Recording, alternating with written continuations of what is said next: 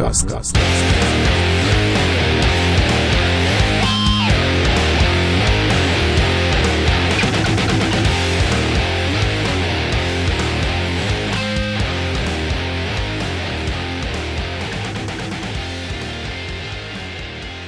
Dzień dobry, tu Młodcast, podcast West Ham Poland. Dziś porozmawiamy o fatalnej postawie podopiecznych Davida Moysa w ostatnim meczu z Wolverhampton.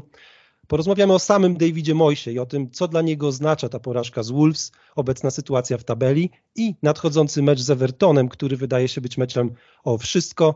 Przedyskutujemy potencjalnych następców Davida Moysa w West Hamie. Pojawia się wiele nazwisk. Pogadamy też o transferach. Ze mną na łączach jest Maciej Kurek z redakcji West Ham Poland. Cześć Maćku.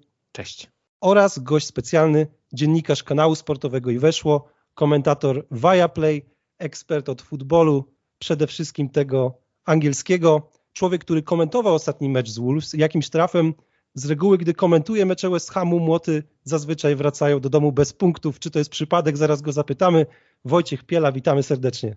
Witam serdecznie, cześć. Panowie, dzisiaj jest podobno najbardziej depresyjny dzień w roku, tak zwany Blue Monday. Ja się zastanawiam, jak nazwać tą parszywą sobotę, która za nami, bo to był zdecydowanie dla mnie najbardziej depresyjny dzień. West Ham przegrał z Wolverhampton i, i, i ta sytuacja w tabeli wygląda bardzo źle. Już tak od, od, paru kolejek wiedzieliśmy, że ta walka o utrzymanie to jest coś, co, co, z czym będziemy się mierzyć w tym sezonie, ale jednak teraz to już jest takie namacalne, już widać w tej tabeli, że po prostu jesteś praktycznie na samym jej dnie. Wojtku, ciebie chciałem zapytać, bo komentowałeś ten mecz, więc jesteś na bieżąco. Chciałem cię zapytać oczywiście o twoje wrażenia z meczu, ale przede wszystkim, czy patrząc na West Ham, czy ty widziałeś drużynę, która zleci? Tak miałeś w głowie, o, to jest taka gra właśnie takiej drużyny, która zleci do Championship. Co o tym myślisz? Hmm, czy po pierwsze, Łukasz, to tak chciałem sprostować, bo ja pamiętam, jak komentowałem poprzedni raz West Ham, to był cenny remis Southampton na wyjeździe po golu Declana także zawsze tam ten jeden punkcik była. Oprócz tego sobie tak nie przypominam, żebym chyba miał e, zaszczyt i przyjemność komentować e, Kamandę Moisa w tym sezonie, więc dopiero pierwsza porażka, no ale faktem jest, a jeszcze komentowałem z Bournemouth w tym sezonie, to wygrali w ogóle 2 do 0, także to już w ogóle się rzadko trafiło, no ale jakby faktem jest, że no nie idzie za bardzo w tym sezonie i rzeczywiście łatwiej trafić pewnie e, mi czy to kolegom na taki mecz, gdzie West Ham przegra, no chyba, że ktoś komentuje w lidze konferencji. No ale Liga Konferencja, a Premier League to są dwa różne światy i myślę, że to, e, co się dzieje z West Hamem w tym sezonie, to bardzo dobitnie to potwierdza. E, trudno powiedzieć tak jednoznacznie na to Twoje pytanie, bo patrząc na to, jak wyglądał West Ham, nie tylko w tym meczu z Wolverhampton, ale myślę, no, że we wcześniejszych też wielu spotkaniach, no bo to seria naprawdę już no, wielu porażek z rzędu, tylko ten remis z Leeds właściwie ostatnio przerwał, ale no to też mówmy się, że jeden punkt na wyjeździe z Leeds no to nie jest szczyt marzeń, no to jednak y, no jasno te wyniki wskazują, że, że ci piłkarze, którzy się znajdują w składzie młotów, to po prostu nie spełniają oczekiwań i też nie są pewnie odpowiednio przez trenera wykorzystywani, bo z jednej strony jak się patrzy na tak West Ham Grant, to można powiedzieć, że jest, jest to kandydat do spadku, no bo ta słaba forma nie jest efektem przypadku, tylko no już po prostu w dłuższej perspektywie czasu, no od, od wielu tygodni. West Ham nie jest w stanie osiągać wyników jakichkolwiek, często nawet właśnie remisów.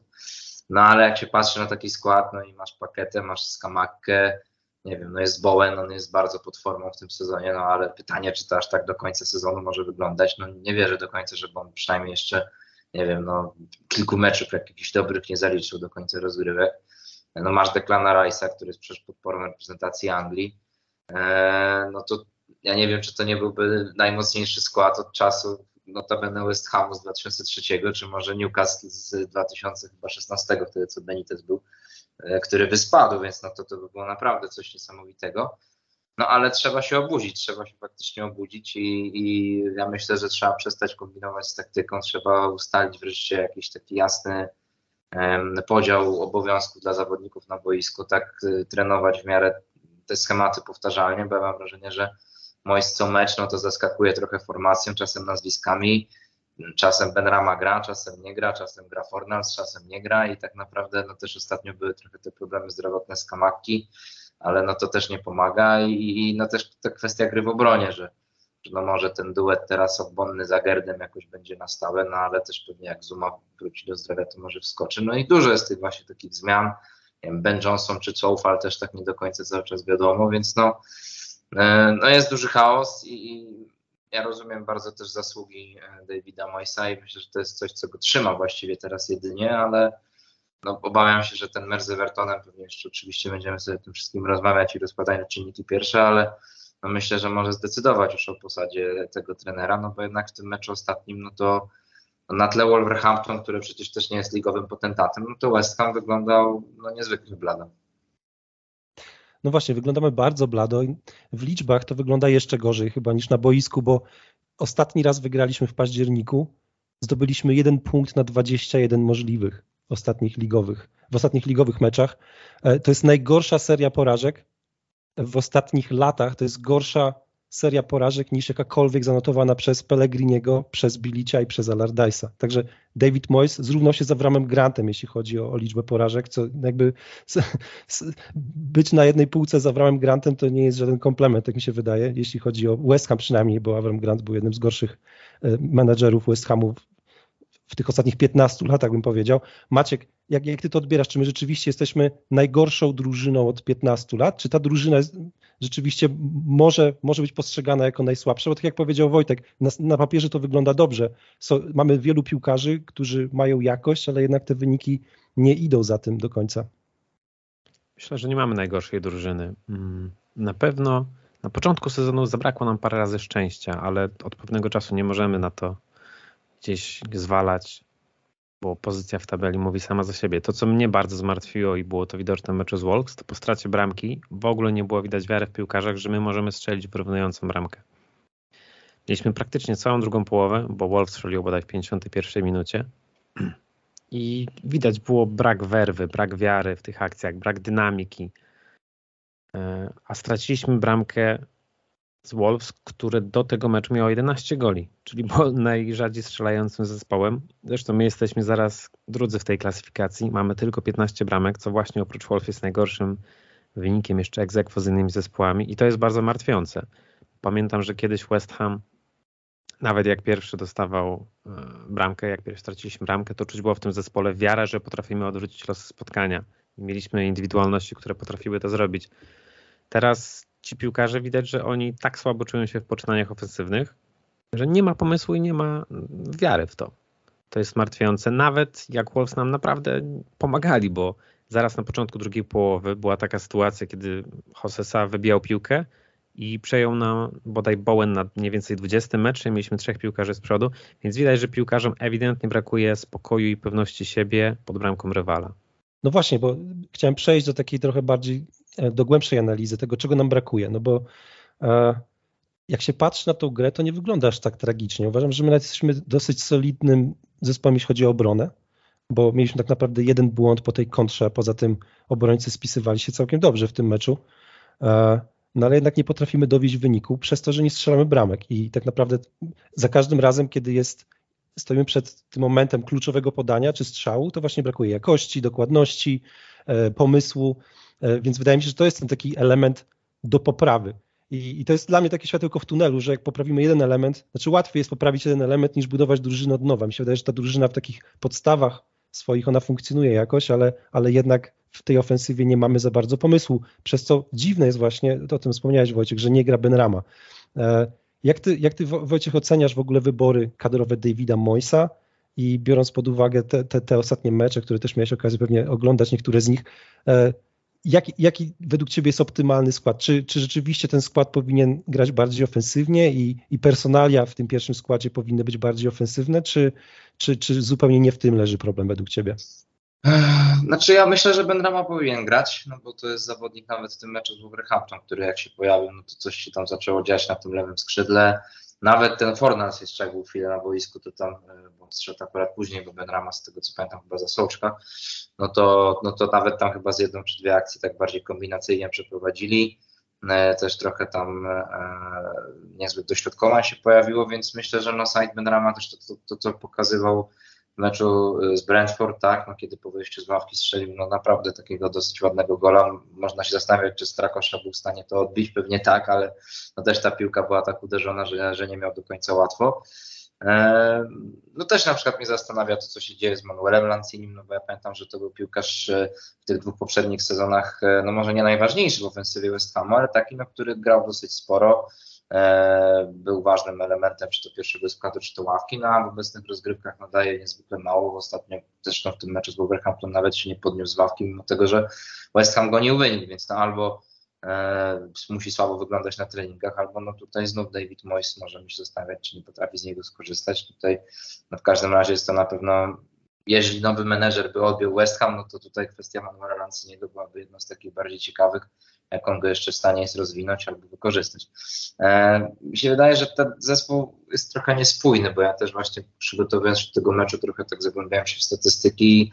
No Aaron Cresswell czy Wladimir Soufal, trochę to, co nawet dotknęło Liverpool, czyli też drużynę taką bliższą trochę mojemu sercu, że przez lata mam wrażenie, że głównymi rozgrywającymi Liverpoolu byli nie środkowi pomocnicy, bo tam Henderson, Milner jak grał i to cała reszta to była bardziej od odbierania piłki, gdzieś tam od napędzania tego całego rytmu, czy, czy Fabinho, czy Thiago, niż od asystowania. I podobnie było gdzieś w West Hamie, że Declan Rice oczywiście on się bardzo rozwinął na przestrzeni lat pod kątem rozegrania, no ale to nigdy nie będzie, nie wiem, zawodnik typu Frank Lampard, który no, notował tych asyst czy goli bardzo dużo i grał w ogóle ustawiony jeszcze wyżej niż Declan Rice, więc Declan Rice, Tomasz Sołczek, czy Mark Noble jeszcze tak, jak, jak był, no to, no to raczej to byli tacy zawodnicy do odbioru, gdzieś do regulowania, a Creswell i Wladimir Cofal, no to notowali mnóstwo tych asyst, dużo dośrodkowywali, podłączali się do akcji ofensywnych, no i na tym korzystał choćby Antonio, który przecież wiemy, że no z siłą fizyczną akurat nie ma problemów, czy też no choćby gdzieś Jarrod Bowen, który potrafił się też gdzieś tam odnaleźć, kiedy ta piłka była jakoś tam odbita w gąszczu polu karnego, czy, czy coś takiego.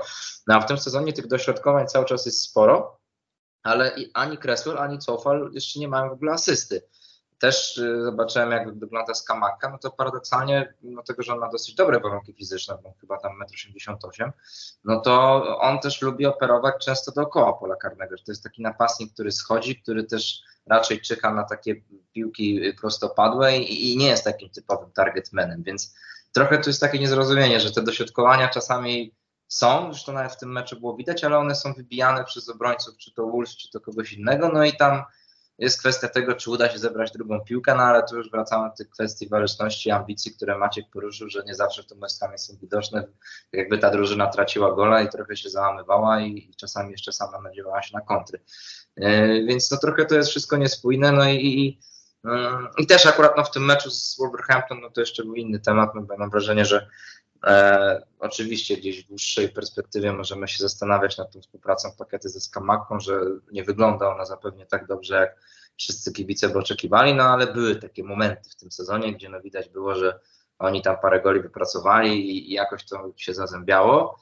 Natomiast no, tutaj akurat Skamaki w pierwszym składzie nie było ze względów tych zdrowotnych, był Michael Antonio, no a jednak Antonio a Paketa to są jakby zupełnie trochę piłkarze z dwóch różnych bajek, no i widać, że tutaj trochę ten Antonio był osamotniony, odcięty, też chyba Paketa nie za bardzo wiedział, w których miejscach boiska go szukać, no i przede wszystkim bardzo ten West Ham grał głęboko, zwłaszcza w pierwszej połowie, że no nie wiem, nawet Solczek mam wrażenie momentami nieźle odbierał piłkę, ale to wszystko polegało na tym, że szła laga gdzieś na skrzydło i nie wiem, było trzech zawodników na pięciu czy sześciu Wolverhampton, no i szło dośrodkowanie, no i jakby strata piłki. Także no, no, no, no, trochę ten West Ham wygląda jako taki mało spójny organizm, w którym no, po prostu brakuje schematów i, i takiej pracy tenera związanej z tym, jak wykorzystywać odpowiednio zawodników będących na boisku i to jest na pewno powód do zmartwień. Ja bym się zatrzymać chciał przy dwóch rzeczach, o których powiedział Wojtek, bo też jak ostatnio dyskutowaliśmy na naszym kanale, to one się notorycznie przewijały, czyli boczni obrońcy. Cresswell zdecydowanie jest już poza szczytem formy i to był solidny obrońca przez lata, ale teraz uważam, że on powinien zostać w klubie ze względu na to, na swoją rolę. E, wiemy z wiarygodnych źródeł, że jest jedną z głównych postaci w szatni, ale piłkarsko co najwyżej zmiennik. Uważam, że on powinien mieć taką rolę, jaką miał na boisku, jaką miał Mark Noble w ostatnim sezonie. Czyli dużo istotniejsza była jego rola w szatni, natomiast jak już wchodził, to raczej jako zmiennik, raczej jak już było potrzebne doświadczenie czy przytrzymanie piłki.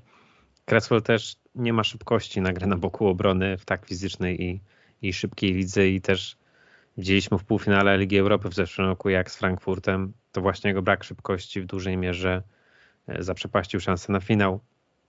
Kolejna rzecz to Choufal, o którym też powiedziałeś. On w sezonie 2000-2021 miał 7 asyst w lidze. Tym nie ma żadnej. W zeszłym miał 4. I ja się zgadzam. Boczna obrońca to jest szalenie ważna pozycja w dzisiejszej piłce i nasi są naszym, wydaje mi się, najsłabszym ogniwem. Druga kwestia, powiedziałeś, że Lanzini siedział na ławce i to prowadzi do tematu zmian. Zmiany u Moisa są dramatyczne. Jak my przegrywamy, to nie ma nadziei, że on będzie coś próbował swoimi zmianami zmienić. Prowadził drugiego napastnika dopiero w 78 minucie. My w ogóle bardzo rzadko gramy na dwóch napastników, aż się prosi często, bo musimy gonić wynik, żeby tego próbować. I jak już dawał szansę duetowi z Kamaka Antonio, to nie wyglądało źle. Widać było właśnie te, tego ekstra zawodnika pod polem karnym rywali, widać było, że to się lepiej klei. Tylko Mois ma tak defensywny i zapobiegawczy styl, że on nie zaryzykuje na dłużej niż te 10-15 minut. Nie wyobrażam sobie, żeby zagrał dwoma napastnikami na przykład całą drugą połowę, nie mówiąc w ogóle od początku spotkania i uważam, że to go często gubi. Zmiany zrobiliśmy dwie w tym ostatnim meczu, gdzie e, trener Wolf zrobił ich pięć. I to nas naprawdę często gubi, że mamy niezłą ławkę. My przez lata narzekaliśmy, że nie ma dobrych piłkarzy na ławce, że są wynalazki pokroju, pokroju Frederiksa czy Masułaku, których się baliśmy, jak widzieliśmy, że wchodzą na boisko. Teraz mamy wreszcie po tych wzmocnieniach niezłych piłkarzy, miałby kto wyjść z ławki, a my tych zmian i tak nie robimy. Więc jak zdarza się niestety często w tym sezonie, że pierwszy tracimy gola, no to ja już nie mam nadziei. A już na pewno nie mam nadziei, że jakaś zmiana prowadzi coś dobrego, no bo to się nie zdarza. Jedyny wyjątek to właśnie wprowadzenie Benramy, ale akurat on powinien grać od początku, więc na pewno boki obrony to jest coś, co przespaliśmy.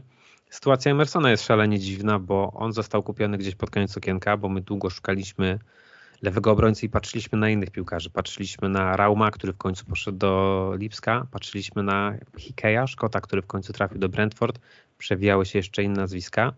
Końcu Emerson był wyborem numer, no nie wiem, 5-6, na pewno nie pierwszego ani drugiego rzędu. I widać, że Mois mu nie ufa, widać, że na niego nie stawia.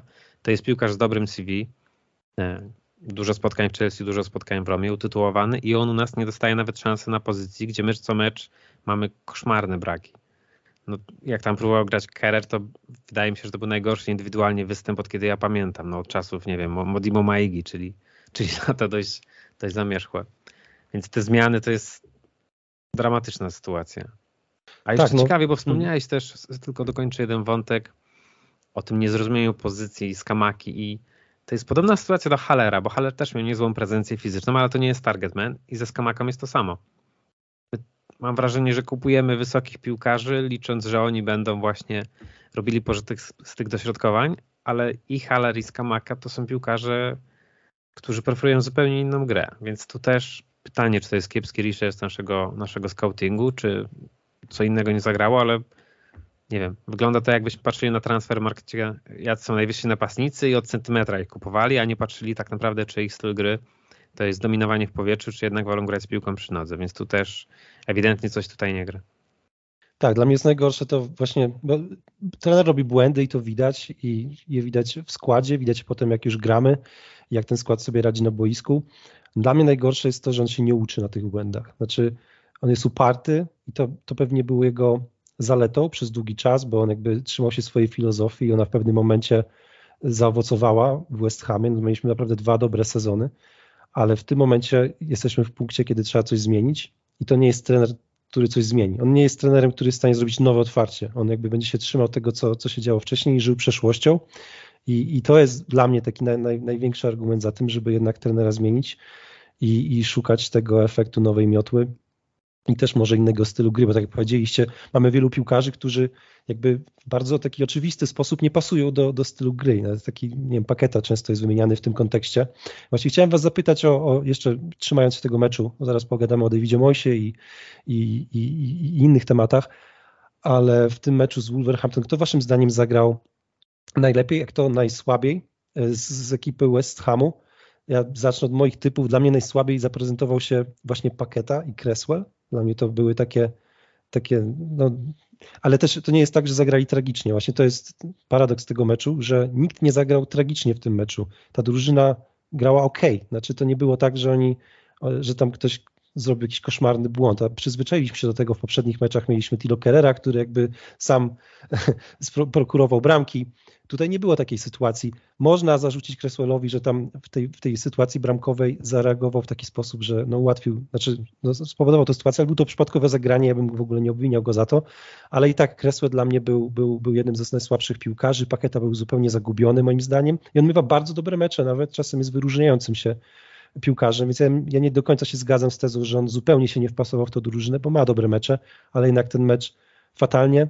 E, no i Antonio, ale to trochę nie jego wina, moim zdaniem, bo on po prostu na takiej pozycji to nikt by sobie nie poradził. Myślę, że Erling Haaland by miał problem, żeby, żeby w West Hamie teraz się odnaleźć, bo po prostu jest.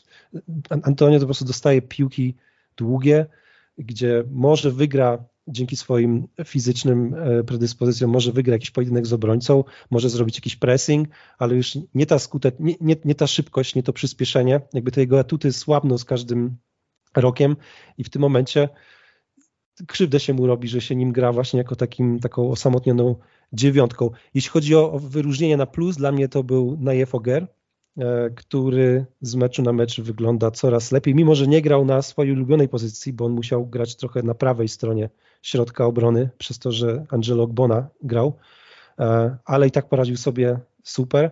Jak to wygląda waszym zdaniem, Wojciech?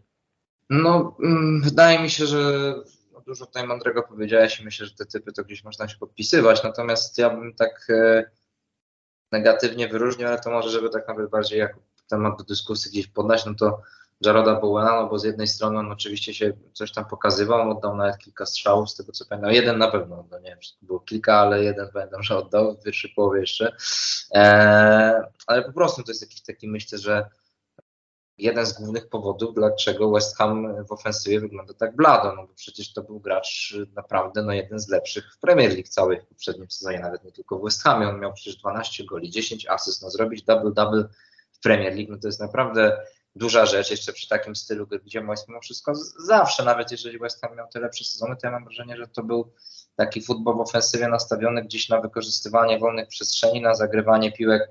Często choćby właśnie przez tych bocznych obrońców za plecy, no i Bowen się świetnie odnajdywał przy tych kontrach, no pamiętam nawet, że się dużo zastanawiano, kiedy to wszystko trochę pęknie w West Hamie, bo ta kadra nie była nigdy za szeroka specjalnie, no i na przykład był taki napastnik Vlasic, który się pojawił, miał trochę ją rozszerzyć, a wiemy, że już go nie ma i nie za bardzo rozszerzył, ale tak na marginesie, no ale właśnie między innymi dzięki tej niesamowitej formie Bowena to tak wyglądało. Bowen był trochę Almironem tego sezonu, albo może nawet kimś lepszym, bo Bowen był dobry w perspektywie całego sezonu, no Almiron jeszcze tego nie wiemy, czy, czy to tak będzie wyglądać.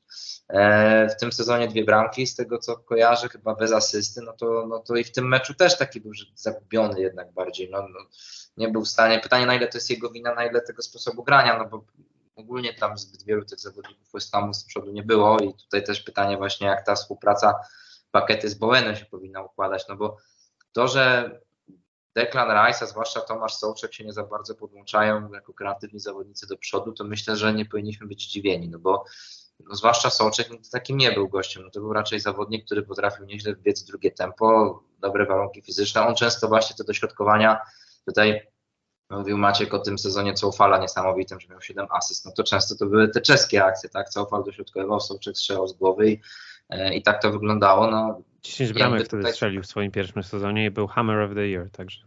No właśnie, 10 bramek, więc no to takie wspomnienie dzisiaj już można powiedzieć takie łzawe wręcz i nostalgiczne, bo człowiek może nie uwierzyć, że takie coś było.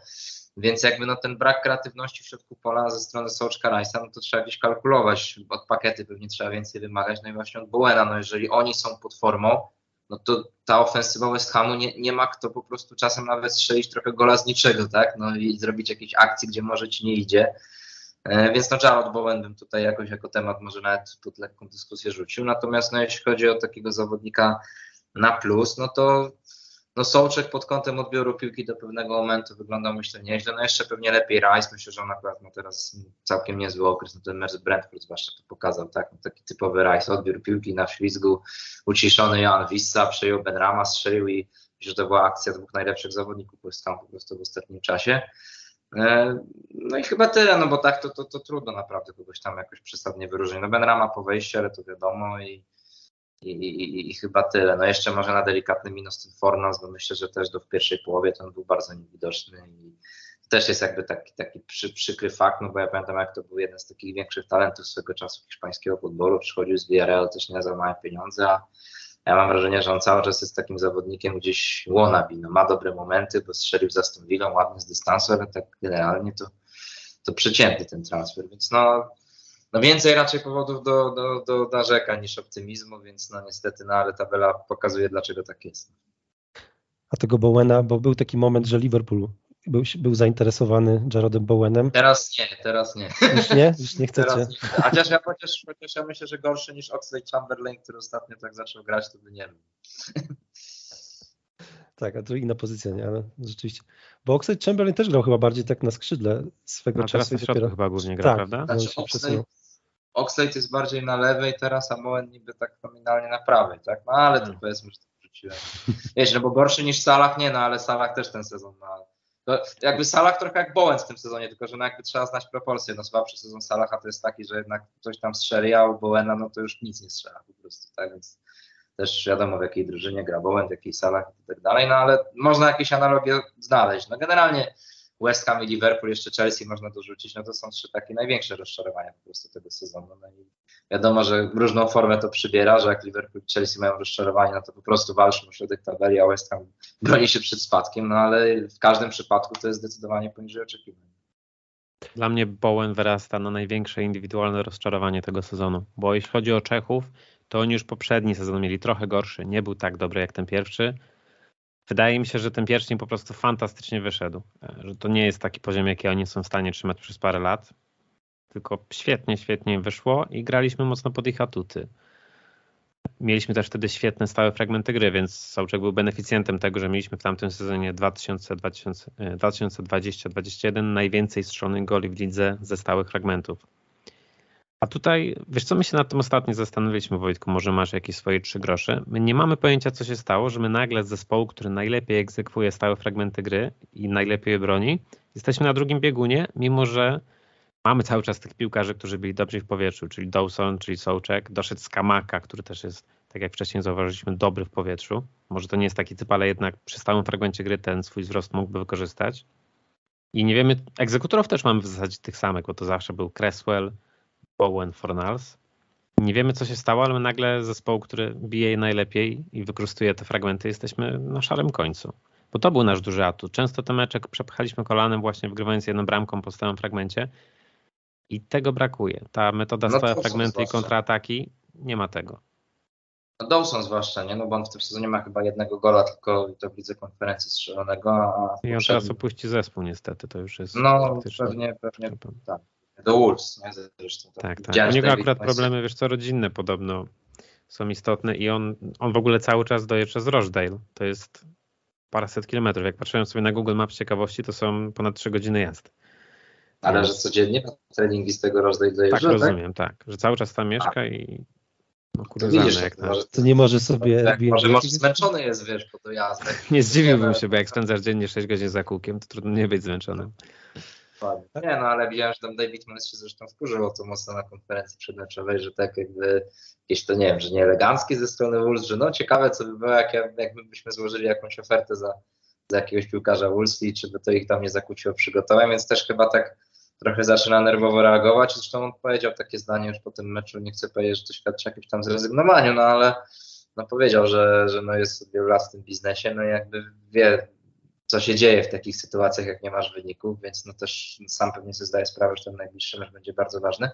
Ale co do tych stałych fragmentów, no to no, trudno powiedzieć, no na pewno jakiś też brak szczęścia, tak, ale no być może no to są kwestie, że nauczyły się poszczególne drużyny tego, jak ci zawodnicy West Hamu się ustawiają. No wiecie, też te stałe fragmenty są zawsze analizowane, skoro my sobie o tym rozmawiamy tutaj w młotkaście, no to podejrzewam, że tak samo sobie rozmawiają trenerzy i to jeszcze nawet bardziej analitycznie, bo mają to wszystko rozrysowane, a być może no jest to jakiś tam jeden z większych znaczy z elementów większej katastrofy pod tytułem David Moyes nie wyciągający wniosków, David Moyes e, staroświecki, David Moyes, który został ze swoimi pomysłami w poprzednich latach, no i tutaj nie wiem, nie jest w stanie wymyśleć czegoś nowego na te stałe fragmenty, grają cały czas tymi samymi schematami, a rywale są przygotowani, natomiast no, może też ci zawodnicy się trochę pogorszyli. Trudno powiedzieć, no ale na pewno kwestia tego, że rywale są na to dobrze przygotowani, no tutaj musi jakąś rolę odgrywać, no bo tak jak Maciek powiedziałeś, no zawodnicy się nie zmienili, więc tutaj raczej bym się nie doszukiwał jakichś strasznych, strasznych przyczyn. No ciekawe to jest, to jest właśnie schematy mamy te same, więc albo po prostu nas rywale przeczytali, tak jak mówisz, albo, albo to jest ten taki ulotny element formy, którego nie da się za bardzo zdefiniować. Jak w skokach narciarskich, nie? że ten sam gość skacze i tak samo mhm. skacze, jakby tyle samo ma siły, a jednak skacze te 20 metrów bliżej. Wiesz co, Łukasz, tak powiedział słowo, że właśnie wiesz, w skokach to jest tyle właśnie ulotne, że no tam wiesz, rywale nie przeszkadzają ci aż tak w skoku, zdaje że wiatr ci może Dokładnie. przeszkodzić, a tutaj no ja bym jednak się gdzieś tam właśnie w to, że ci rywale rozczytują, hmm. gdzieś tam kierował, no bo no, każdy mecz jest analizowany bardzo dokładnie, no i jeżeli ty nie jesteś w stanie, no trochę jak z Liverpoolem, no dużo tych nawiązań, no ale rozumiecie, czemu do Liverpoolu nawiązuje, że no też te schematy Klopa się gdzieś pewnie wyczerpują, no i wszyscy już wiedzą, że nie wiem, Aleksander Arnold, Robertson, no to nie wiem, podchodzą wysoko, potem nie wracają, trzeba grać przez tę lewo, prawą stronę, no i Liverpool traci mnóstwo goli w ten sposób, więc tak samo jest z West Hamem, no, że jak grałeś coś wychodziło, nawet City trochę teraz z Halandem tak ma, no to jest wiadomo, trochę na mniejszą skalę, no bo Haaland to ma tam na razie chyba pasę dopiero tam jedno z City ten, z United nie trafił, tam wcześniej z Chelsea w lidze, więc to nie jest jakoś strasznie dużo meczów, kiedy on nie strzelił, ale trochę to tak wyglądało na przykład w tych derbach Manchesteru, że po prostu ten Manchester dobrze się przygotował, odcinali tego Halanda, no i przygotowali się na, na podrywala, tak? Więc to pod West Ham też się każdy przygotowuje. Teraz Brentford ma taki sezon, jak my mieliśmy dwa lata temu, bo też ich spotkanie z Liverpoolem wyglądało bliźniaczo do naszego sprzed bodaj dwóch lat, gdzie też wygraliśmy po trzech stałych fragmentach, nie, dwóch stałych fragmentach, jednej kontrze i Brentford naprawdę bliźniacze bramki strzeliło przeciwko Liverpoolowi. I też ich fenomen polega na tym, że mają świetne stałe fragmenty gry i bardzo dobrze kontrują, mają szybkich piłkarzy z przodu. Więc teraz oni przejęli pałeczkę, jeśli chodzi o te schematy, które, które u nas dobrze grały przez dobre, dwa, nawet nie dwa lata, bo też my tak mówimy, dwa sezony, dwa sezony, ale my już grubo w poprzednim sezonie mieliśmy kryzys w lidze, tylko dobry występ w europejskich pucharach troszkę nam e, zaciemnił perspektywę, że my go nie dostrzegaliśmy, i, ale już w poprzednim sezonie te wyniki były znacznie gorsze i wtedy chyba zabrakło trzeźwego spojrzenia i liczyliśmy, że to było chwilowe, no i to trwa cały czas ten kryzys. No, wypalił się trzon tej drużyny, tak się wydaje, że ta drużyna miała super moment. Team Spirit był dobry, forma poszczególnych zawodników.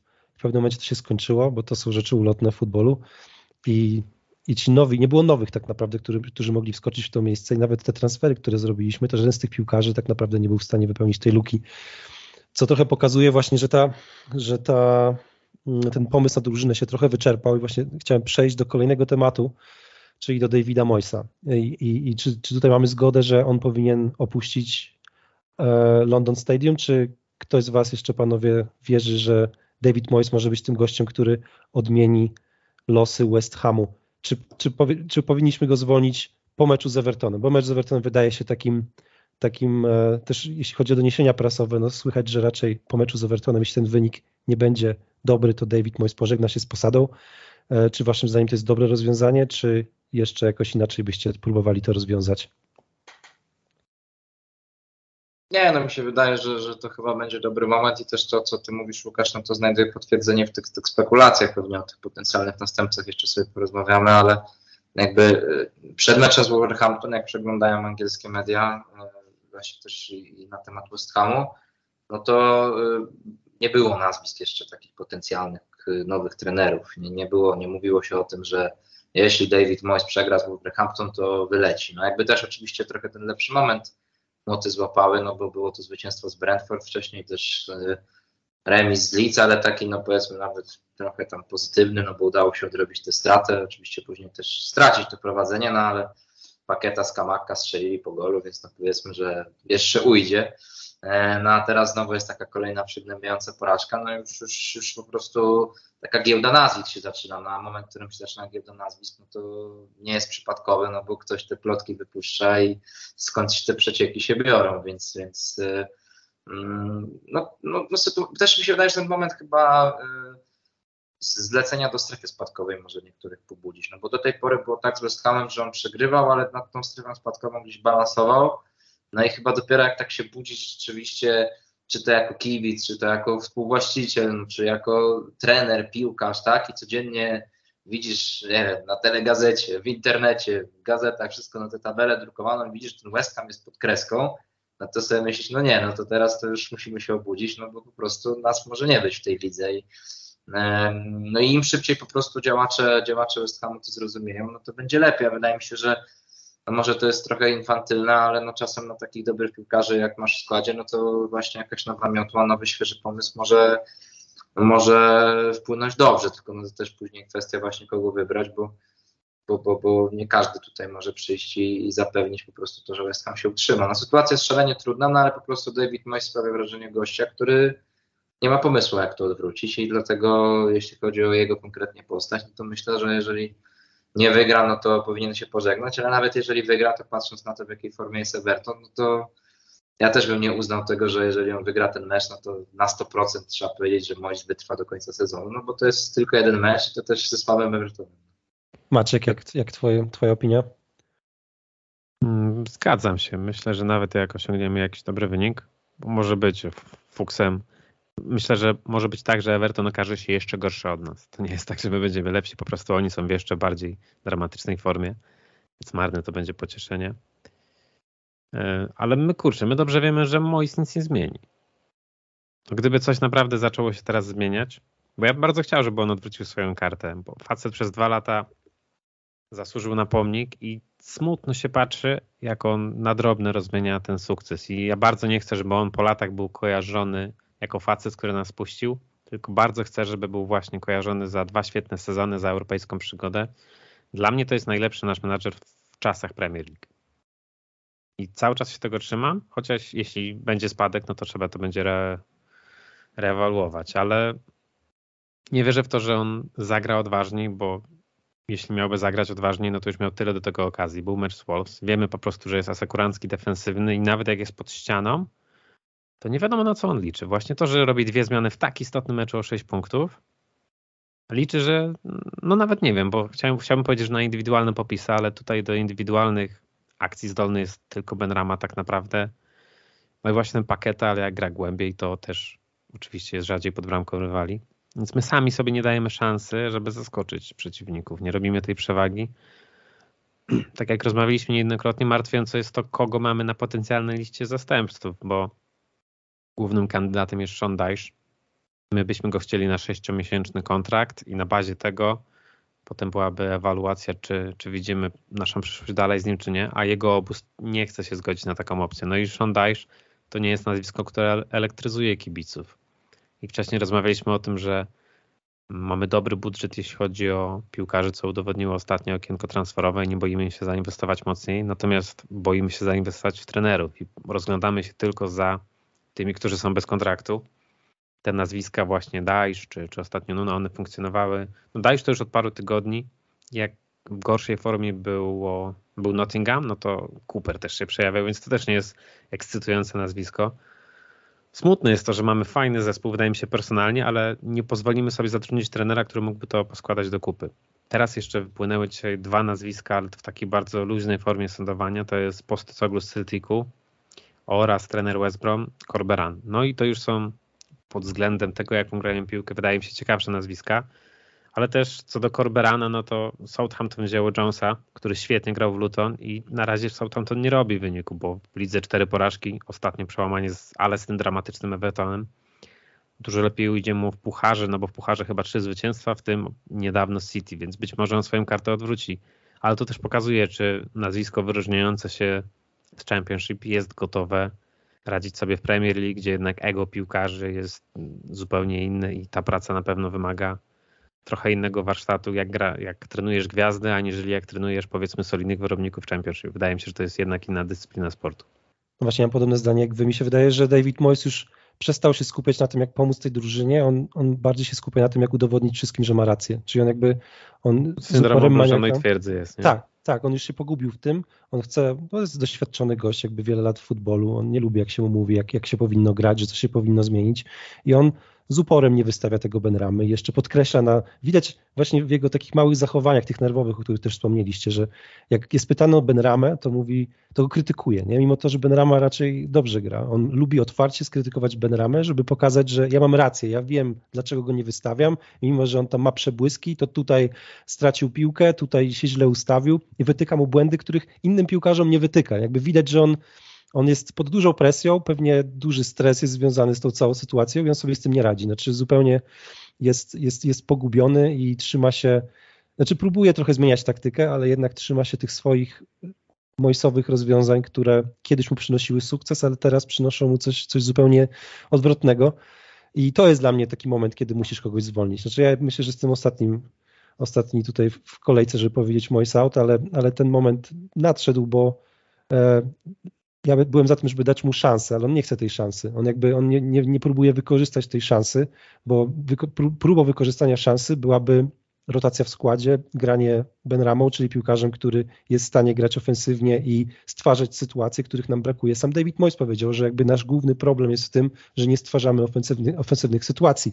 Więc dlaczego nie gra Ben Ramą od pierwszej minuty, skoro to jest no, tak naprawdę jedyny w tym momencie piłkarz, który sam jest w stanie coś wypracować, jeden na jeden wygrać pojedynek czego Bowen w tym momencie nie potrafi. Nie? Więc jakby niezrozumiałe decyzje, widać, że tam już ten cel się trochę tak jest za mgłą i to już nie bardzo chodzi o to, żeby tą drużynę, tej drużynie pomóc, ale żeby udowodnić wszystkim, że David Moyes ma rację, więc zmiana na pewno, ale właśnie te nazwiska, o których mówicie, e, dużo ich się pojawiało, ale wydaje mi się, że z tych takich wiarygodnych źródeł e, to, to, to powtarzają się te trzy, czyli Nuno Espirito Santo, Rafa Benitez i Sean Dyche. I to są, widać, widać pewien klucz tutaj, że to są trzej raczej defensywni e, trenerzy preferujący defensywną piłkę, co niby miałoby sens, bo my jakby graliśmy defensywnie przez, przez długi czas, e, ale jednak czy my właśnie teraz nie lepiej by było wziąć takiego trenera, który ustawi nas ofensywnie, właśnie zupełnie inaczej, czy raczej uważacie, że powinniśmy szukać trenera, który jakoś tam ma część wspólną z tym, co gramy obecnie? Jak, jak waszym zdaniem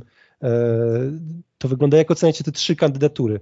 E, czy kto, który z tych nazwisk jest waszym zdaniem, e, czy to są trenerzy, którzy mogą utrzymać West Ham, bo też pytam w kontekście, czy to, to są tacy strażacy, którzy są w stanie utrzymać klub. Nie tylko, czy to są dobrzy trenerzy, ale czy są dobrzy trenerzy tak short term, że oni wejdą do drużyny i ją utrzymają w lidze. Dla mnie Benitez to jest hiszpański Mois. Bierzemy taki sam profil trenera, tylko ma inny paszport. Wcześniej byłem co do każdego nazwiska na nie. Teraz myślę, że jesteśmy w tak głębokim kryzysie, że być może właśnie jak Wojtek wspomniał, ten efekt nowej miotry zadziała i być może część piłkarzy to zmobilizuje, żeby powalczyć bardziej. Ale no żaden, okej, okay, chyba z tej trójki dałbym szansę Dajszowi, ale to, to jest taki wybór mniejsze zło, tak? Czy, czy chcesz umrzeć na dżumę, czy na cholerę? No nie widzę tego, szczerze mówiąc. Ale jakby ktoś miał z nich przyjść, no chyba, chyba Sean. No, znaczy ten Rafa też Znowu, my kup- zrobiliśmy transfery dwóch szalenie ekscytujących piłkarzy. Oczywiście transferów było więcej, ale dyskutowaliśmy o tym, że Skamaka czy Paketa to są piłkarzy, których walkę wygraliśmy z innymi cenionymi klubami i my nie chcemy zatrudnić trenera, który pozwoli im na wykorzystanie tego potencjału. Generalnie sami przerwaliśmy to już z Andersonem i z Hallerem. Kupujemy dobrych piłkarzy cenionych w Europie, następnie nie zatrudniamy trenera, który będzie grał pod ich silne strony. Ci piłkarze stracą na wartości, no i na Halerze i na Andersonie straciliśmy kosmiczną kasę i dla mnie kazus pakety wygląda tak samo. Wydaje mi się, że on będzie coraz bardziej negatywnie nastawiony do, do gry w tym zespole, bo trudno mu się cieszyć grą, cieszyć piłką. I na koniec sezonu odejdzie za połowę, przepraszam, odejdzie za połowę kwoty do, gdzieś do innego klubu, gdzie będzie dobrze grał. Ze Skamaką podobnie, wydaje mi się. Może u niego nie widać jeszcze takich oznak języku czy mowy ciała negatywnych, jakie zdarzają się u pakety, bo on parę spotkań temu, nie wiem czy pamiętacie, to zszedł do szatni, jak jeszcze sędzia nie zdążył wyjąć gwizdka z buzi po, po kończąc spotkanie. On od razu szedł do szatni, zero mm, podziękowań kibiców, zero zbijania piątek z innymi piłkarzami. Więc widać było, że, że on się tu dobrze nie czuje. Chociaż ja uważam, że on ma takie przebłyski, gdzie potrafi naprawdę jednym podaniem czy jednym zagraniem przyspieszyć grę. I nam często właśnie mówimy, że jesteśmy nudni, przewidywalni, że nie zaskakujemy rywala, to dla mnie Paketa ma ten pierwiastek pozwalający zaskoczyć rywala. Ok, on ma też wady, że za często holuje piłkę albo zwalnia, kiedy nie trzeba zwalniać. Natomiast jak od kogoś można oczekiwać właśnie przebłysku czy, czy czegoś niekonwencjonalnego, to obok Benramy dla mnie jest Paketa, ale obawiam się, że my tych piłkarzy niszczymy. I tu też pojawia się pytanie, wiemy jakiego mamy trenera, wiemy jaką podczas okienka ostatniego widzieliśmy, jaki on preferuje styl gry i zatrudniliśmy piłkarzy, którzy do tego stylu gry nie pasują. I też nie wiem, czy Mois liczył, że on będzie trenerem, który będzie chciał grać piłkę. Jest trenerem od dwudziestu paru lat, jeśli nie, wie, nie dłużej, wie jaki ma styl i w Evertonie dobrze szła mu taka gra, właśnie kontrowanie i stałe fragmenty gry. Potem od United, gdzie miał zachowując wszelkie proporcje, dość podobną sytuację, czyli duże charaktery, duży budżet transferowy, duże nazwiska, wymaganie ofensywnej piłki, on też poległ. Ok, United to jest miejsce, gdzie nie jeden poległ, więc E, więc oczywiście to nie jest łatwy teren i to nie było łatwe zadanie, ale widać pewne podobieństwa według mnie tutaj, że on dobrze dawał radę sobie w Evertonie na kontrze i u nas na kontrze pierwsze dwa lata, jak przyszły ambicje. On troszeczkę jest ofiarą własnego sukcesu, bo rozbudził duże nadzieje, duże ambicje, zmiany też stylu gry, no i, i tutaj nie podołał póki co i nie zanosi się na to, żeby, żeby to się zmieniło. Znaczy, odnosząc się może do tych następców, to wydaje mi się, że ja myślę, że Nuno Espirito Santo to może być taki człowiek, który mm, nie wiem, czy w West Hamie na pewno, ale tak generalnie patrząc, zasłużył mi się wydaje na jeszcze jedną szansę w angielskim futbolu, bo ja bym na niego nie przez ten pryzmat Tottenham aż tak bardzo nie patrzył, no bo on też tam był dosyć krótko, a poza tym no trochę tak dziwnych okolicznościach przejął ten zespół właściwie jako tam kandydat chyba numer 8, 9 i tak w ogóle to wygląda jak cały czas takie czekanie trochę na Antonio Conte. Poza tym no mimo wszystko Tottenham to jednak y, no, klub, który ma takie jeszcze większe ambicje niż nawet pewnie West Ham przed tym sezonem, więc być może y, jeśli przez takie pragmatyczne granie jak Wolves osiągałby podobne wyniki, y, no to pewnie fani by, lepiej to powiedzieć, ale byście byli w miarę usatysfakcjonowani na pewno bardziej niż niż teraz, y, kiedy za Moisa jest oczywiście ten fatalny sezon i trzeba się bronić przed spadkiem. E, no a pamiętajmy właśnie, że, że Nuno w, Wolverhampton wykonał kawał dobrej roboty. Może ten ostatni sezon faktycznie był już troszeczkę słabszy, no ale też ten Wolverhampton nie bronił się wtedy przed spadkiem. Chyba to było 13 miejsce, takie w miarę spokojne, no ale właśnie też tak patrzyłem przez pryzmat, że ten ostatni sezon Nuno był nieco rozczarowujący, bo wcześniej rozbudził bardzo oczekiwania. Tam był też nawet ćwierćfinał Ligi Europy przecież i porażkę z Sewillą, więc e, no wiemy, że on teraz jest na tym kontrakcie w Arabii Saudyjskiej, więc pytanie, jakby tam wygląda właśnie kwestia czy go wykupienia, czy jakoś tam dogadania się, chociaż myślę, że gdyby było rzeczywiście takie realne zainteresowanie, no to nie wiem jak z ambicjami u samego Nuno, no ale podejrzewam, że taki trener mógłby chcieć jeszcze wrócić na ten taki piedestał, pokazać się w Premier League niż, niż zarabiać nawet te dobre pieniądze w Arabii, no bo to też jest cały czas trener jeszcze jak na wiek tenerski dosyć młody i na takie zarabianie pieniędzy to może przyjść czas, to właśnie nawet bardziej Benitez mi się już z czymś takim kojarzy, że no przecież nawet już był w Chinach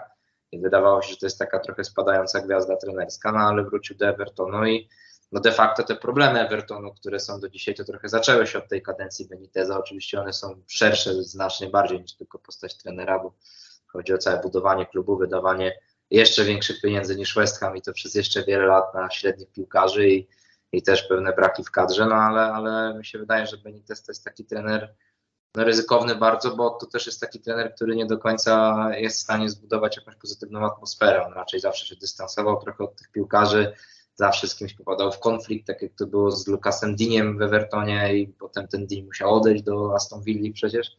No a tutaj w West Hamie raczej jest potrzebny ktoś, kto tak zjednoczy wokół siebie ten zespół w końcówce sezonu w takiej walce jednak o no, utrzymanie, mówiąc wprost. Pod tym kątem też pewnie Daś byłby dobry, no bo Burnley miał taką pakę ludzi, którzy pewnie by za nim poszli w ogień. No ale Nuno też mi się wydaje, że, że jest gościem, który ma, ma trochę lepszy charakter niż Rafa Benitez, więc no, no zobaczymy. No nie są to na pewno idealne opcje, no bo pewnie West Ham Libice patrzą tak e, trochę w tym momencie e, z takim zazdrością lekką nawet na, na Brentford, czy zwłaszcza na Brighton, które mają takich trenerów z młodej fali, proaktywnych, no Roberto De Cerbi, no to tym momencie no to pewnie taka, taki jeden z w ogóle bardziej atrakcyjnych kąsków na tym rynku w Anglii, odkąd się pojawił. Thomas Frank też jest gościem, który, który raczej no, rozwija tych piłkarzy i jest taki nowoczesny bardzo. No ale no nie wiem, tacy, tacy trenerzy się nie pojawiają i też pewnie trudno takich teraz na, na rynku, bo to też sezon jest przecież w trakcie i, i, i, i wiemy, że, że ta sytuacja nie jest oczywista. Więc no, ja myślę, że tak dla mnie faworytem, tak puentując to, co chcę powiedzieć, byłby tutaj w sensie najlepszy dla West Hamu Union Spirito Santo, no ale myślę, że ten Dice czy Benitez też jakieś nadzieje dają. Ciekawe, ja nawet nie, skomentowałem, bo na anglojęzycznym Twitterze fani Tottenhamu po prostu się strasznie z niego naśmiewają. Ja wiem, że nie możemy go tylko przez pryzmat przygody z kogutami oceniać, bo, bo Wolves, tak jak powiedziałeś, sobie nieźle dawał radę, ale jakoś jak scrollowałem wczoraj timeline, to tak mi to bolało po oczach, jak oni na przyklaskują, bierzcie Nuno, zlecicie z hukiem. Albo właśnie żartowali, bierzcie Nuno, bo on specjalizuje się w awansach z Championship do Premier League. Już właśnie czerwony dywan do, do niższego poziomu nam tutaj rozkładają. No, ciekawe, no to Szondajsz, no to, to, to zostaje. Tutaj kolegialnie wybieramy, że Szondajsz chyba Sean nawet może strach w niektórych wywoływać, bo Bernie to chyba każdego z tej czołówki już pokonało, więc kibice Tottenhamu raczej by się nie naśmiewali, bo, bo, pamiętam, że też sami z tym Bernie Dyche'a przegrywali, więc, więc no niech będzie, że ten Sean. Ale my jeszcze niedawno się tak zbranialiśmy przed nim, a jesteśmy już w tak dramatycznej sytuacji, że jesteśmy otwarci na każdego. No to jest taki motywator, nie tak jak mówiłeś, że zanim ta paka chciała skoczyć w ogień, wydaje mi się, że w takim krótkim, krótkoterminowym horyzoncie, a jednak taki jest przed nami, nie? że chcemy się utrzymać, to będzie cel na najbliższe, e, na najbliższy czas. To może być dobry wybór. Ja nie wiem, jakoś tak w sumie no, nie, nie trenowali mnie ci trenerzy, więc nie mogę powiedzieć na 100%, ale wydaje mi się, że Sean Dyche jest lepszym szkoleniowcem, jeśli chodzi o taką motywację, budowanie drużyny niż, niż Nuno Espirito Santo. Nie? Jakby wydaje mi się, że on mógłby być lepszym wyborem, jeśli chodzi o zbudowanie tej motywacji, ale no, jeśli chodzi o rozwiązania taktyczne, no to to jest, e, to się dużo nie zmieni. To jest taki David Moyes, tylko, tylko raczej jeszcze chyba bardziej defensywny, tak mi się wydaje. No trochę tak, chociaż tu zawsze jest ten argument, że tak naprawdę prowadził do tej pory zespół, gdzie trochę nie miał możliwości nawet, żeby zagrać ładnie. Nie? No to, co gdzieś tam na polskim podwórku się zawsze przewijało z Leszkiem Mojżyńskim, tak, że no, no ale no, dlaczego go tam przypadkujemy, że to jest taki tener defensywny, a gdzie on miał grać ofensywnie? W Koronie, w Arce, tak, no ale potem się okazało, że, że na już w kilku miejscach rzeczywiście nie był w stanie się rozwinąć, no to nawet na Koronę Kielce w tym sezonie już było za mało, no i, i został, został zwolniony, natomiast no Dajesz tak naprawdę no, popracował w jednym klubie do tej pory tak na poważnie w Anglii w ostatnich latach, no to był Burnley, on tam akurat długofalowy projekt zbudował, no bo był 10 lat, no pytanie tylko, czy tak długofalowy projekt chcieliby kibice West Hamu, pewnie nie do końca, ale no, to też była dla niego ciekawa weryfikacja, no bo miałby, no miałby możliwość, żeby zacząć grać ładniej, tak? Miałby piłkarzy do tego, yy, miałby też pewnie fundusze, żeby sobie takich piłkarzy sprowadzić, no i wtedy można byłoby go nawet trochę szerzej ocenić, tylko że no to jest kod dworku, no bo poznaliśmy go do tej pory jako trenera defensywnego i gdyby zaczął grać ofensywnie, no to bylibyśmy zaskoczeni, no ale na pewno w West Hamie jako klubie miałby po prostu większe możliwości. Nie zasłoniłby się tym, że no, pracowałem w jednym klubie, który tam nie wydawał wielkich pieniędzy i który co roku walczył o utrzymanie, tylko no, przyszedł do klubu, gdzie okej, okay, na początek musi zapewnić utrzymanie, ale w dłuższej perspektywie no, można walczyć nawet i o puchary albo o top 10, tak? No bo West Ham ma na to skład i, i w ostatnich latach no, za Moisa to potwierdza. Wiecie, ta sytuacja z Moisem nawet trochę tego uczy, bo ja pamiętam, że jak Mois obejmował West Ham, no to ja byłem w szoku i, i, i, jakby uważałem, że to też nie pójdzie w dobrym kierunku. To też był taki trener, spuścił Sunderland przecież, w tym Realu Sociedad mu się za dobrze nie powiodło. Ta pierwsza kadencja w West Hamie też była taka średnia. No i, i, też były narzekania, że no to jest trener, z którym raczej się West Ham nie rozwinie. No a to proszę bardzo, tak okazało się, że ten gość, no bo wiecie, niezależnie od tego, co się z nim stanie, on nawet jak teraz zostanie zwolniony, no to na tyle odbudował tą swoją pozycję na rynku trenerskim, że ja nie mam wątpliwości, że Mois z kolei jak w jakimś innym klubie się zwolni posada, nie wiem, może nawet jeszcze w tym sezonie, ale na pewno w następnym, to Mois będzie też wymieniany jako jeden z głównych kandydatów i jeszcze kogoś fajnego w Premier League może objąć, bo właśnie West Ham udowodnił, że jest w stanie robić dobre wyniki, więc no, kto wie, być może z Dajszem będzie tak samo, natomiast no wiadomo, jest to ryzykowne. Dla mnie Mois ma wypisane na czole Everton, że tam wróci, patrząc na to, jak się sytuacja rozwija. Będzie chichot historii. Ciekawe jest to, co powiedziałeś o Dajszu, bo faktycznie on, on, słuchajcie, w tym Berlin zrobił puchary jednego sezonu i tam było parę solidnych pozycji. To nie jest tak, że oni tam zawsze bili się przed spadkiem, a mam wrażenie, że tak niektórzy kibice przez pryzmat ich gry defensywnej postrzegają tak, że to zawsze było w dole, a wcale tak nie jest. Tam były solidne pozycje. Ja widzę pewne podobieństwo mm, do Ediego Howe, który w Bormą robił dobry wynik, ale były zarzuty, że to nie jest trener, mogący pracować z wielkimi piłkarzami i były przykłady transferów do Bormu z Liverpoolu, bo przyszedł Solankę, który za kadencji Hała dobrze jakoś nie grał i wtedy był uznawany za transfer raczej chybiony, choć teraz troszeczkę się rozegrał i, i wygląda źle. Był Jordan Knight, który chyba w ogóle przestał grać piłkę.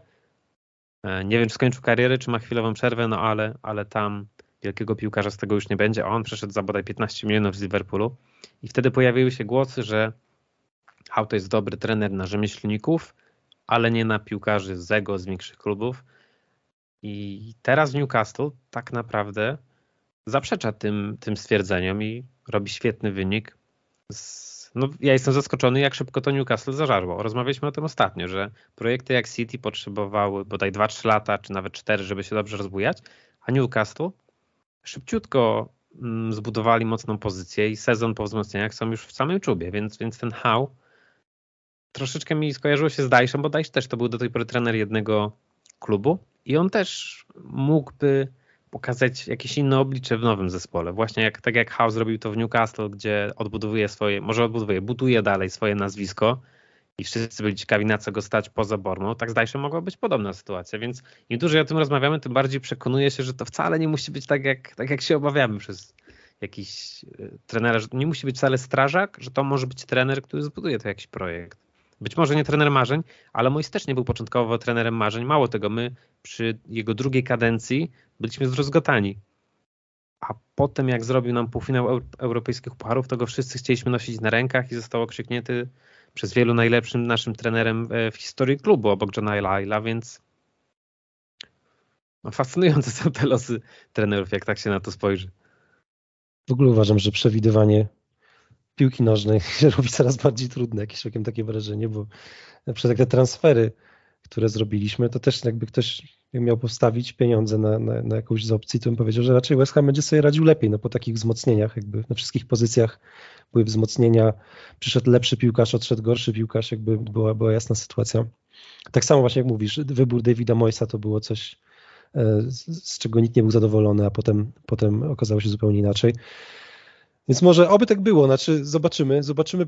Dużo, dużo odpowiedzi da nam mecz z Evertonem, do którego też chciałbym teraz przejść e, i chwilę, chwilę o tym pogadać. Wydaje się, że to jest taki, nie ja to przynajmniej postrzegam ten mecz jako taki jeden z najważniejszych w ostatnich latach nawet bym powiedział. On może być. Jeśli będzie właśnie jakiś taki parszywy remis, e, to wtedy ta agonia się przedłuży i tak naprawdę nie da żadnych odpowiedzi, ale tak coś czuję, że to będzie ten mecz, który przesądzi o tym, gdzie my wylądujemy na koniec sezonu, w którym miejscu w tabeli, czy, Davida, czy era Davida Moisa się skończy. Też, też fajny kontekst, smaczek tego meczu, że to akurat Everton zadecyduje o przyszłości Davida Moisa, e, klub, z którym był związany przecież przez tyle lat. E, jak widzicie szansę przed tym meczem? Everton jest w słabej formie, żeby nie powiedzieć słabszej nawet niż my. Nie wiem, znaczy ciężko, ciężko to porównywać. Ja też nie oglądam dużo Evertonu, więc e, Wojciech, ty na pewno więcej widziałeś Evertonu, bo oglądasz inne drużyny, nie tylko West Ham co tydzień, tak jak my. E, ciekawi mnie, co myślicie panowie o tym meczu, jak, jak wyglądają nasze szanse i czy rzeczywiście to jest taki przełomowy mecz, e, który, tak, który da nam dużo odpowiedzi. Wojciech. No wiecie co, ja ostatnio nawet właśnie miałem okazję też komentować Everton z Brighton, no i oni tam wyglądali jeszcze o wiele gorzej niż, niż West Ham z Wolverhampton. Przegrali 1-4, no to jak stracili, to był chyba już gol na 4 do 0 nawet, e, tam Idrissa Gay. Idrissa Gay generalnie podał do nikogo, prawda? Tak. To było surrealistyczne. To tak jak wyglądało, jakby on poszedł ten mecz, ten mecz postawić u Buka przed spotkaniem.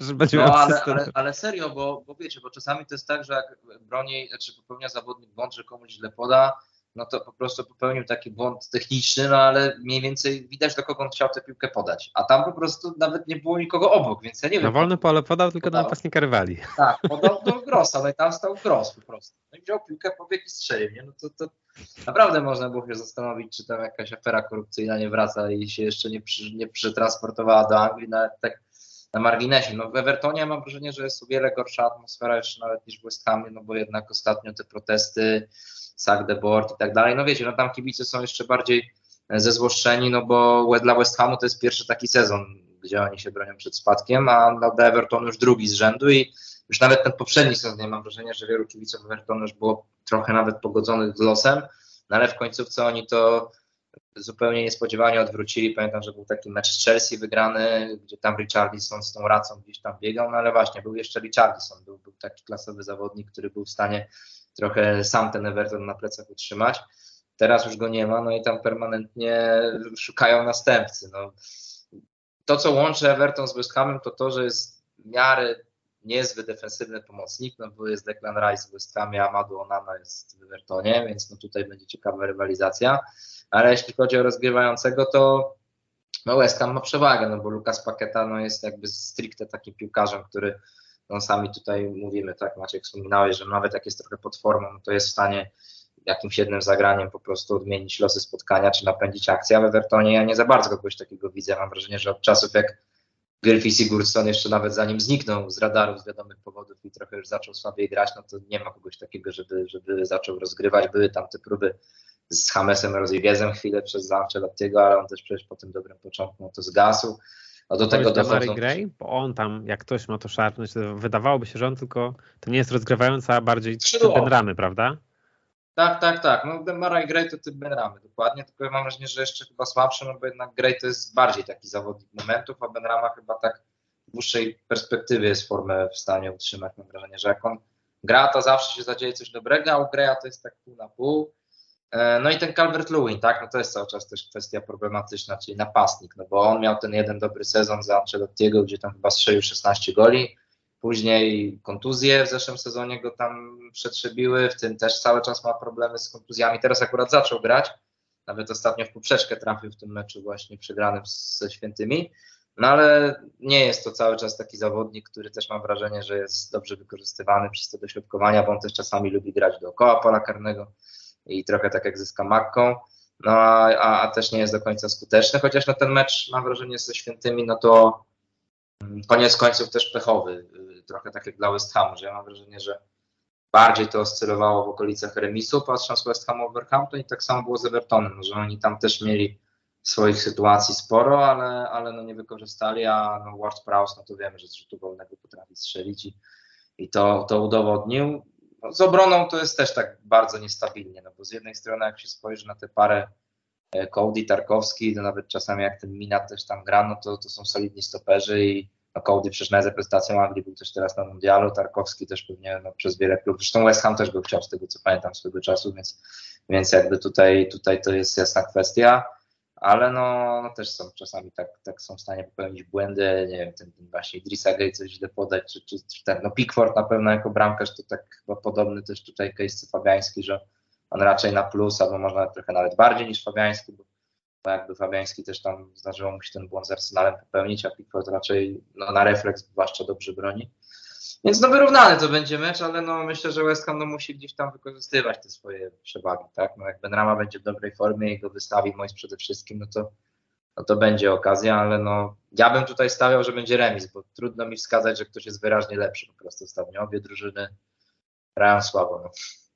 Też warto zwrócić uwagę, że przed spotkaniem z Evertonem będzie tribut Davidowi Goldowi złożony, czyli będzie hołd i, i powiedzmy obchody, czy nie chcę powiedzieć celebrowanie, bo to nie jest odpowiednie słowo, ale na pewno będzie złożony hołd i będzie mm, klub coś specjalnego zaplanował. Może tak to ujmę, bo do końca nie wiadomo, czy to będzie prezentacja, będzie e, szereg wydarzeń związanych właśnie z Davidem Goldem przed spotkaniem. I ja mam nadzieję, że to zjednoczy kibiców, bo też docierają głosy z klubu, że my u siebie paradoksalnie często kibice w tym sezonie piłkarzom nie ułatwiają zadania, przez to, że albo jest cicho, albo jest buczenie i mecz z Leeds był takim, gdzie graliśmy na wyjeździe i czuć było, że na tych piłkarzach nie ciąży taka presja, którą czasem kibice na London Stadium, nawet przez swoją bierność i to po prostu, że nie dopingują, potrafią narzucić, więc ja czasem się boję tych spotkań u siebie, szczerze powiedziawszy. Pamiętam, że przed COVID-em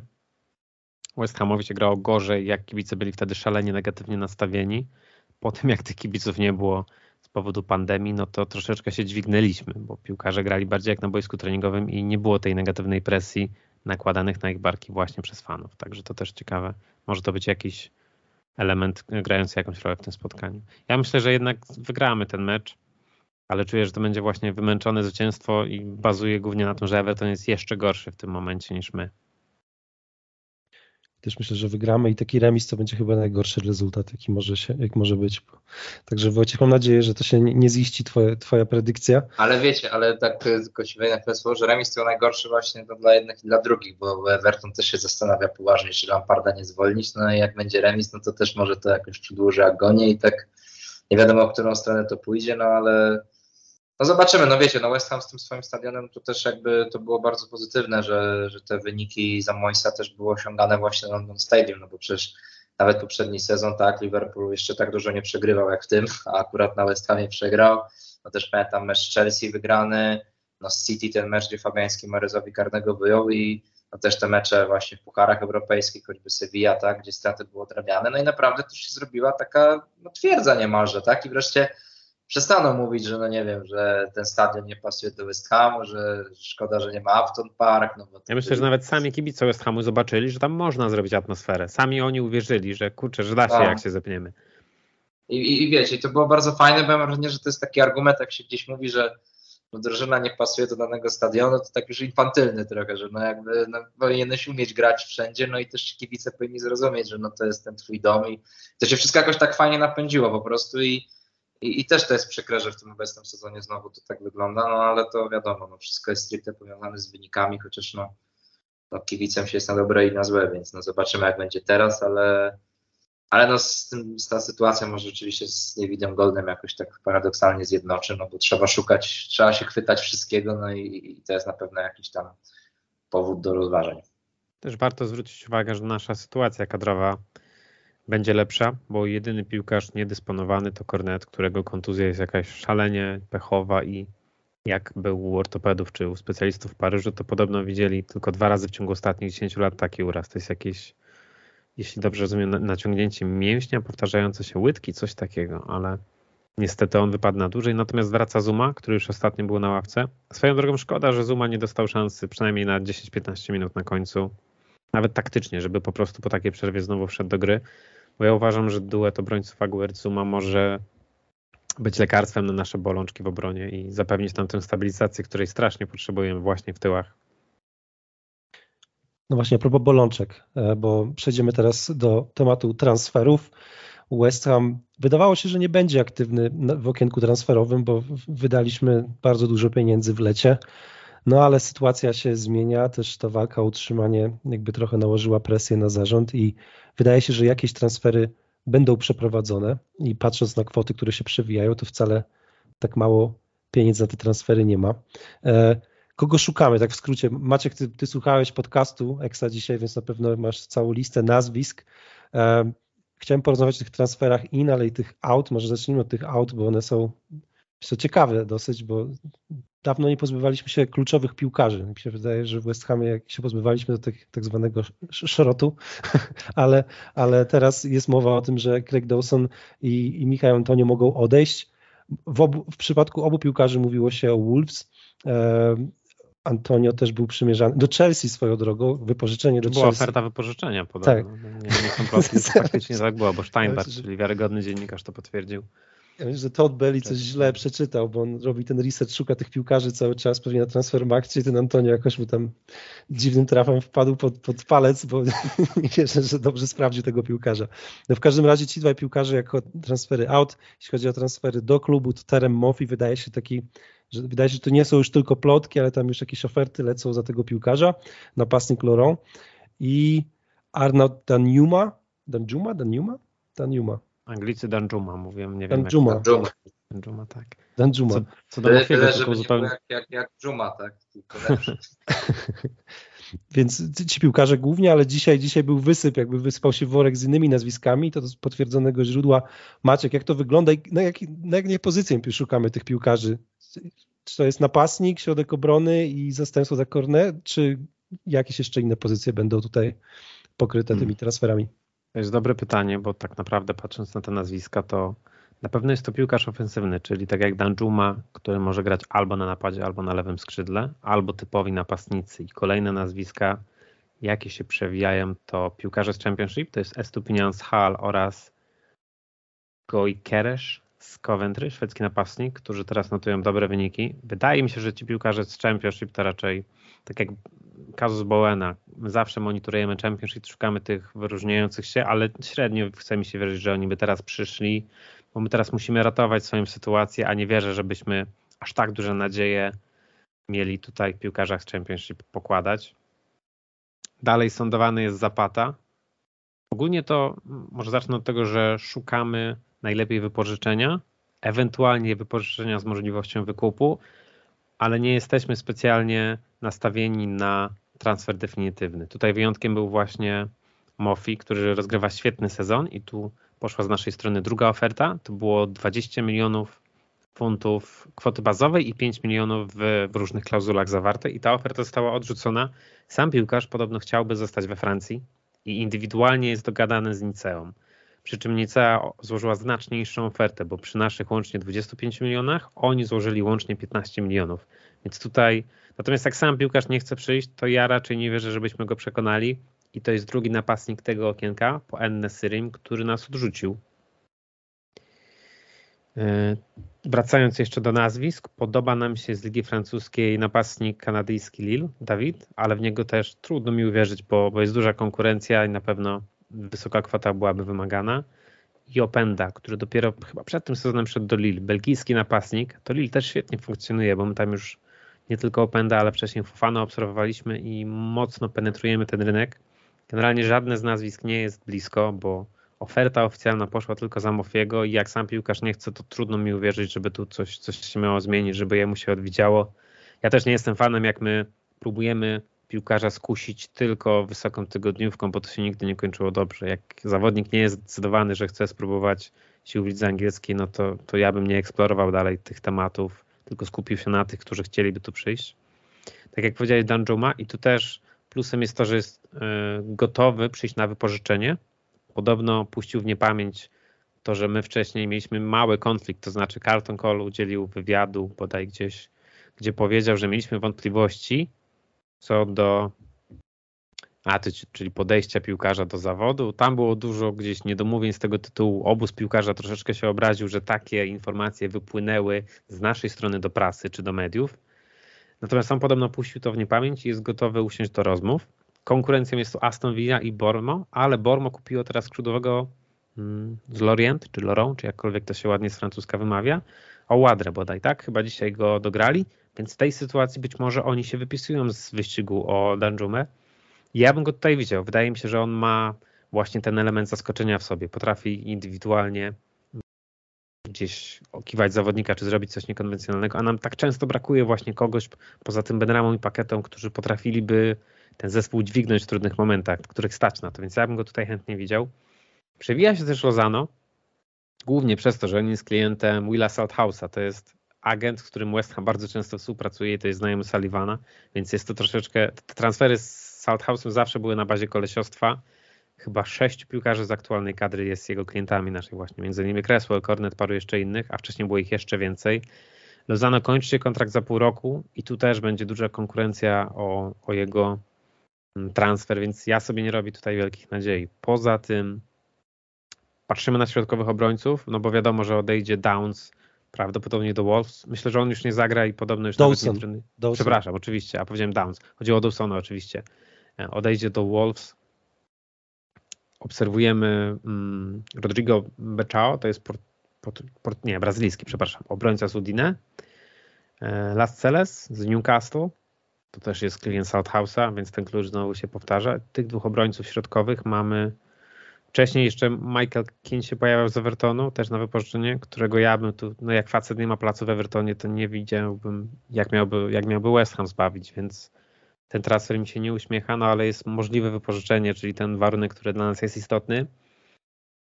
Mm, czy są tu jeszcze jakieś inne nazwiska? Chyba nie, chyba wszystkie już. Aha, Spence ze Spurs to jest ten Jet Spence, który. On miał świetny sezon w Nottingham, prawda? Jak oni awansowali z Championship na prawej obronie czy na prawym wahadle. Poszedł do Spurs i on tam zupełnie nic nie gra. Spurs nie lubi z nami robić transferów, natomiast on tam w ogóle nie jest w planach menadżera i tu jest jakiś cień szansy na wyłożyczenie. Więc tych nowych nazwisk troszkę jest, ale żadne nie jest blisko. Dla mnie to, znaczy część z tych nazwisk nie brzmi źle, tak jak David z Lille to jest piłkarz, który uważam na pewno trafi do, do lepszej ligi wkrótce. Danjuma czy Lozano też uważam, że to są piłkarze, którzy mogliby wnieść coś do zespołu. Ale wiemy, jak wygląda strategia transferowa West Hamu. Jesteśmy łączeni z wieloma piłkarzami, składamy bardzo wiele zapytań, natomiast potem bardzo niewiele przychodzi do konkretów, więc żaden z tych piłkarzy nie jest blisko. Po stronie odejść, tak jak już powiedzieliśmy, Dawson, no i ten Antonio, nie tylko Wolves jest nim zainteresowany, ale także Everton.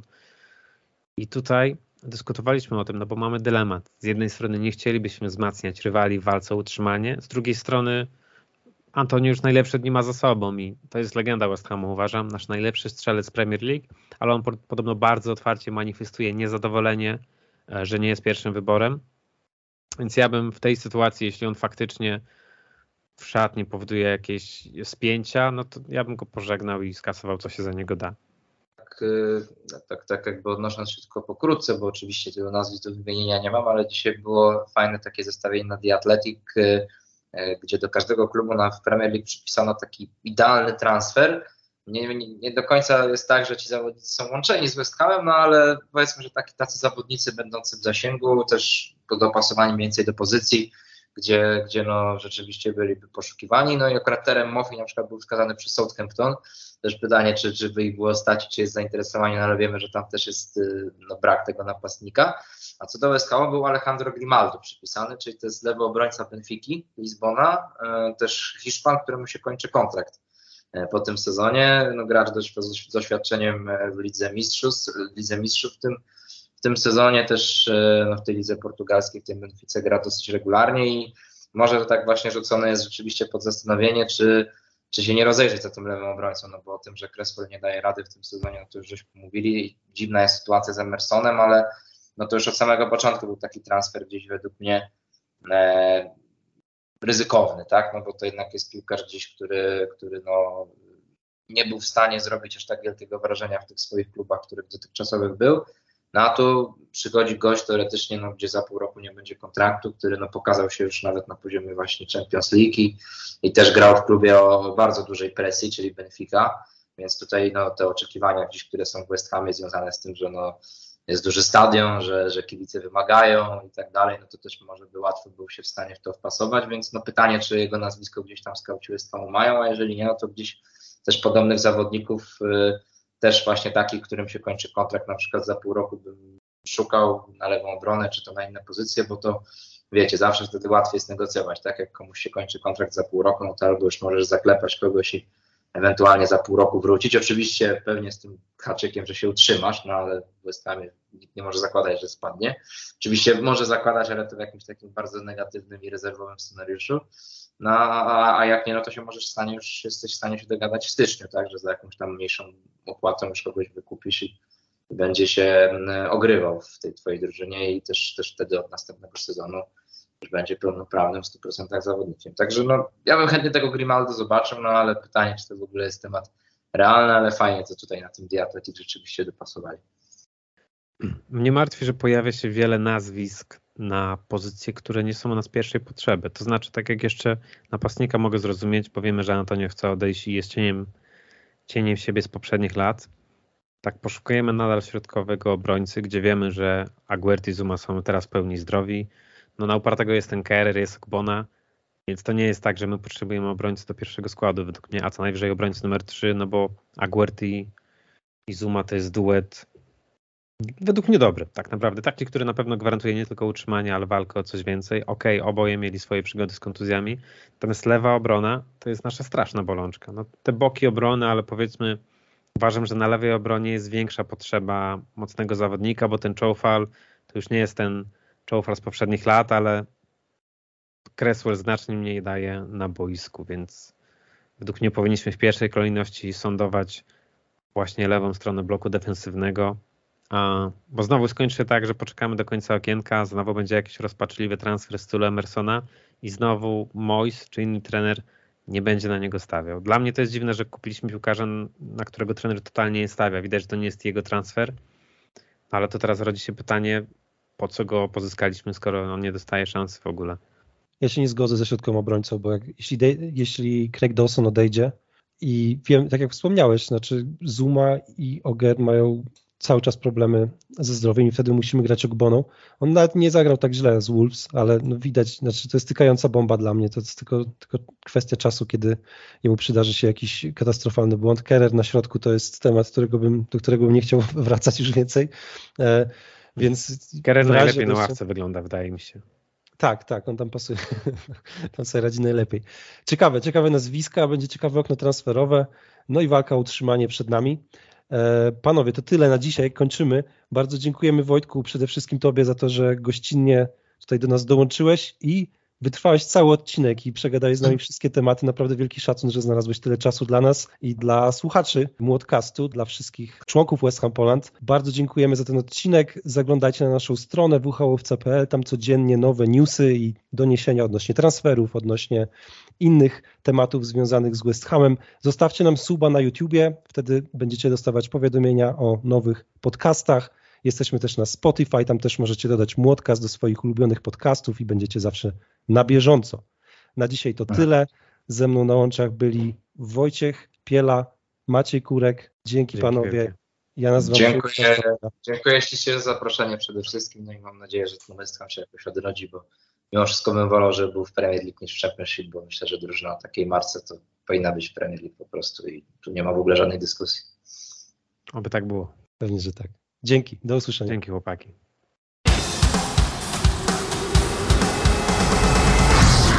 Młodcast.